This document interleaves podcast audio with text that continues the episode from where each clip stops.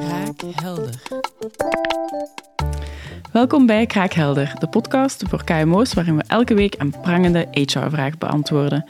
Ik ben jullie host voor vandaag, Florence. Ik heb ook een hele toffe expert bij mij hier zitten. Een eh, nieuwe expert, die is nog niet op Kraakhelder geweest. Welkom Madeline. Ja, hoi. Jij, uh, bedankt om tot hier te komen. Ja, dat is hartstikke leuk. Ik heb er zin in. Ja? Ja. En hoe gaat het voor de rest met jou? Goed. Ja? Ja. Oké, prima. Ehm Madeline, jij bent HR-consultant bij Liantis. Kan je een klein beetje uitleggen wat dat jij precies doet voor, eh, voor werkgevers? Ja. Dus als HR-consultant adviseer en begeleid ik ondernemingen, ehm, zaakvoerders en HR-professionals in het optimaliseren van hun HR-beleid. Ehm, en daarnaast eh, coach en ondersteun ik ondernemers zowel van de start van hun zaak als wanneer ze in een groeiende fase zitten of op een bepaald kruispunt staan ehm, in hun ondernemende leven. En dan voornamelijk op soft skills. Dus denk Ja. dan aan leiderschap, time management, stressmanagement. Ik kan me inbeelden, eh, zaken als leiderschap bijvoorbeeld, zullen er heel anders uitzien voor startende ondernemers dan voor ja, ondernemers die al een paar jaar bezig zijn of twintig jaar bezig zijn. Zeker. Ehm, ja. Ja. Dus dat doe jij ook. Ja, dus voor een startende eh, ondernemer gaat het dan meer over persoonlijk leiderschap en ook eh, ondernemerscompetenties. En maak ik wel de juiste keuze, eh, maar ook heel praktisch. wie is mijn doelgroep? Ja. Wat is mijn klantensegment? Waar ga ik mij op focussen? Oké, dat is Ehm, heel, heel praktisch. Ja, heel praktisch. Ehm, en ja, groeiende ondernemers zitten vaak met personeel. Hè, dus dan Ja. komt mijn HR-pad kijken. En ja, inderdaad. En ehm, dan kan het echt gaan van de aanwerving van de eerste werknemer. Ehm, heel praktisch. Hoe pak ik dat aan? Eh, waar vind ik die werknemer? Hoe zorg ik voor een goede onboarding? Maar ook eh, ja, wanneer de, de teams worden samengesteld of de groep is al wat groter, ja, dan worden het soms al wel wat complexere Ja. HR-vragen. Waarbij ik dus vooral op soft HR focus. Dus echt eh, ja, van. eh, ehm, starten met functioneringsgesprekken bijvoorbeeld of competentiebeleid invoeren. Oké, moeilijke gesprekken voeren met mensen. Oh ja, Of toffe gesprekken. Of toffe gesprekken, ja. Goed Ja, nieuws, Ja. iets minder nieuws. ja. Oké, heel interessant, heel divers eh, lijkt mij. ja, heel een leuke job. Oké. Ehm, bedankt om hier te zijn vandaag, want jij bent expert ehm, en we gaan jou eens vragen over deconnectie. Want deconnectie is eigenlijk een, een woord dat denk ik een zestal jaar geleden eh, niet zo vlot over de tongen ging zoals nu. Ehm, kan je een beetje uitleggen van, van waar komt deconnectie? Waarom kennen we dat niet eens allemaal? En wat houdt het zo in? Ja. nu we zien dat de toenemende gebruik van digitale communicatiemiddelen wel voor wat stress kan zorgen bij mensen. Ehm, in de tijden van corona eh, liep thuiswerken ook wat doorheen eh, met eh, ja, het gewone werk, waardoor privé-werkbalans steeds vervaagde. En ook de afstand dus van afstand kunnen nemen van die digitale communicatiemiddelen. Ja. Ehm, dus eh, het is enerzijds in een strijd tegen eh, de werkstress en burn-out om toch iets aan die deconnectie te doen. En anderzijds zien we dat de eh, ja, arbeidsorganisatie steeds flexibelere vormen aanneemt. Hè. Denk maar ook aan de invoering van de vierdaagse werkweek. Ja. En ja, dat vraagt gewoon om afspraken binnen organisaties. Ehm, en dan je andere vraag, wat is dan dat recht? Ja. Ehm, dus die arbeidsdeal die in april 2023 is ingevoerd, die, eh, en, en de topic deconnectie focust zich dan ehm, op het wettelijke recht om offline, dus onbereikbaar te zijn buiten de werkuren. Ja. Even los van onvoorziene omstandigheden of eh, bepaalde zaken die toch acties vragen, die niet kunnen wachten tot de volgende arbeidsperiode. Dus het is zeker niet dat de leidinggevende of de werkgever de werknemer te alle tijden niet mag contacteren buiten de uren. Dus Oké, belangrijke nuance denk ik, want dat is wel een beetje het idee dat denk ik rond deconnectie hangt, is gewoon ik stop ermee, zes uur, bel me niet, mail me niet, ik neem niet op, ik ben onbereikbaar. En dat is dan toch echt niet het geval eigenlijk. ja, nee, je, je moet vooral samen aan tafel gaan. Ja. En eh, ik zou zeggen, of ik zou aanraden om sowieso op organisatorisch vlak eerst te gaan kijken van oké, wat is voor onze organisatie nodig ten opzichte van deconnectie. hè? We willen Ja. natuurlijk vooral ehm, de continuïteit van de organisatie waarborgen. Dat moet het uitgangspunt zijn. Ja, en dat zal er ook voor elk, elke organisatie compleet anders Zeker. uitzien. Een kantoor ten opzichte van een fabriek of zo. Ah, Ja, eh, Absoluut, ja. Of bijvoorbeeld eh, ja, wanneer er ehm, mensen naar de wer een werf moeten opstarten om zeven uur 's ochtends, Ja. maar er blijkt de avond daarvoor iets, iets te zijn, ja, dan moeten die eh, werknemers wel natuurlijk kunnen verwittigen. ja, ja, ja, tuurlijk. Ja, dus ehm, op dat vlak gaat het vooral dus om ja, die continuïteit van die organisatie waarborgen. Dus je, je neemt een bepaald standpunt in als organisatie. Zo gaan wij om met deconnectie.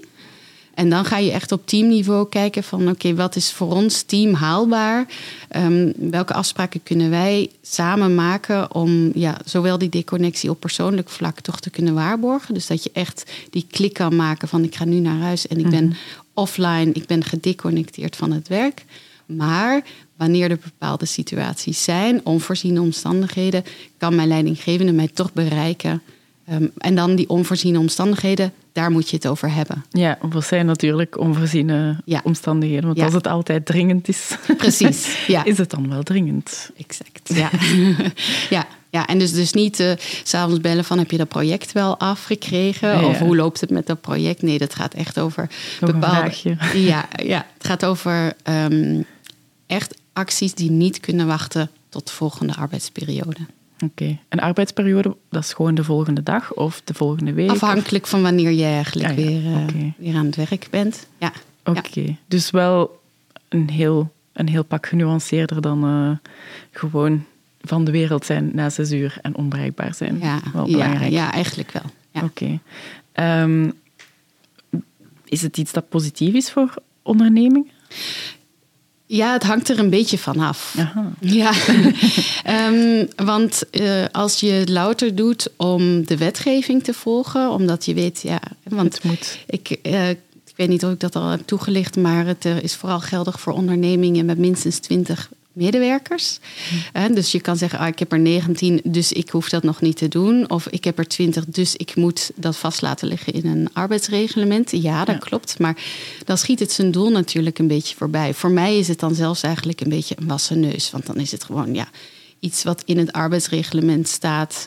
Ehm, voor mij is het gesprek wat daarvoor plaatsvindt, dus die afspraken die gemaakt worden, onderling, individueel of op teamniveau, dat kan een heel positief effect hebben. Op zowel de medewerker als ook op de organisatie. Ja, want als het gewoon wordt geïmplementeerd omdat het moet, kan het een beetje door de letter blijven, veronderstel ik. En Ja, ja en, en als, dan, als er dan alsnog gebeld wordt. Ja. Avonds bijvoorbeeld. Of als eh, de medewerker alsnog zich op de een of andere manier geforceerd voelt om wel online te blijven. Of ja, s'avonds nog te werken. Ja. Eh, dan schiet het zijn doel een beetje voorbij. Hè? Dus ik denk dat we in eerste instantie ook gaan moeten, moeten kijken van... is het een verwachting van mijn leidinggevende of van de organisatie... dat ik s'avonds nog werk? Of is het een autonome individuele keuze die ik maak... om s'avonds toch die computer nog eens eh, open te doen? Dat is een zeer belangrijk verschil. Ja, ja. Ik kan me ook inbeelden dat er bepaalde mensen, ook al wordt het niet verwacht van hun, toch bij het zien van een mailtje of zo op hun gsm, s'avonds na de uren, toch geneigd zijn of dat het toch begint te knagen van hmm, wat zou de vraag zijn, wat zou er in de mail staan, ik ga toch eens snel kijken en zo er terug inrollen. Ja, ja dus wat, wat mij betreft is het ook een gedeelde verantwoordelijkheid op dat Ja. vlak. Dus het is zeker niet alleen maar de leidinggevende die eh, ja, die regels heel strikt moet opvolgen. Het is net zo goed de medewerker die ook bepaalde verantwoordelijkheid moet nemen. Ja. Ehm, kritisch naar zijn eigen digitale gebruik eh, mag kijken. Want het gaat niet alleen maar over werkgerelateerd. Nu in, de, in het geval van deconnectie wel, maar laten we eerlijk zijn. Sowieso digitale communicatiemiddelen kunnen stress veroorzaken. Dus dat is ook social media, dat is ook, zijn ook andere platformen. Ehm, en dus daarin vind ik dat de medewerker ook een stukje naar eigen gedrag mag kijken. Ehm, of je s'avonds dan die mail open doet. Hè. Ehm, dus het is, het is voor mij twee kanten. Die collega of leidinggevende eventjes een reflex maken. Is het nodig om deze mail nu op dit moment te sturen, s'avonds? Mm En aan de andere kant, is het nodig om deze mail nu s'avonds in de zetel te lezen? Mhm. Ja, of is het nodig om die laptop open te klappen? Of, of meldingen te ontvangen of zo na een bepaald uur? Ja. Ja, oké. Wel een interessant onderwerp, vind ik. Uh, ik denk dat er veel over te zeggen valt ook. Allee, net omdat je zegt van oké, het is langs twee kanten. Het lijkt me zo'n klein beetje een spanningsveld ook. Tussen wat zeg ik toch, wat zijn dan die onvoorziene omstandigheden? Wanneer kijk ik toch naar mijn gsm? Zeker. Of lees ik het toch eens? Het lijkt me wel een, een, een, moet ik het zeggen, een must of zo, om het gesprek te houden. Ja, absoluut. En ik denk ook voor zaakvoerders uh, is het is het heel vaak zo'n vanzelfsprekend gegeven om gewoon buiten de uren. Een zaakvoerder heeft geen werkuren van 9 to 5. Hè? Ja, ja. Dus uh, dat is zo vanzelfsprekend gegeven om, om ja, op bepaalde of gezette momenten te werken. Um, terwijl ja, dat voor een medewerker toch vaak anders is. En daarom is het goed om daar gewoon met elkaar over in gesprek te gaan. Van oké, wat, wat is voor jou haalbaar? Of hoe zie jij het? Hoe kijk ik er als zaakvoerder of leidinggevende tegenaan? Denk je dat het ook goed kan zijn voor werkgevers om hen een beetje gas terug te laten nemen?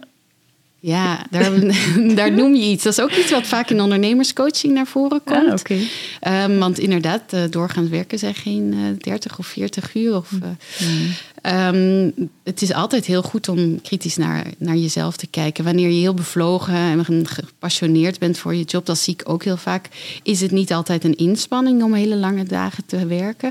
Maar wanneer die energievreters toenemen en het echt ten koste gaat van de uh, fysieke en mentale gezondheid van een ondernemer of leidinggevende of van wie dan ook, ja, dan is het toch wel tijd voor actie. Ja, ja. dan is het toch wel tijd om te gaan bekijken van oké, okay, kan ik mijn werk efficiënter organiseren? Of hoe komt het dan eigenlijk dat ik er altijd over ga?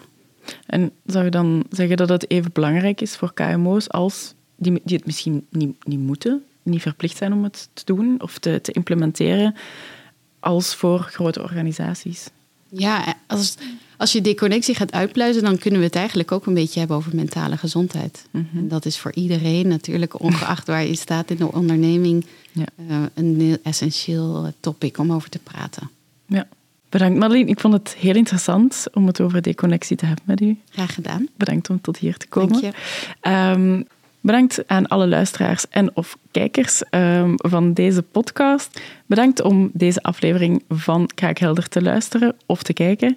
Heb je zelf nog een HR-vraag die je graag wil beantwoord zien worden door een van onze talrijke experten? Stuur die dan zeker in via leantis.be slash kraakhelder of via kraakhelder.podcast. Dat is onze Instagram. Dus stuur gerust een DM met jouw HR-vraag. Dan zie ik jou graag de volgende keer.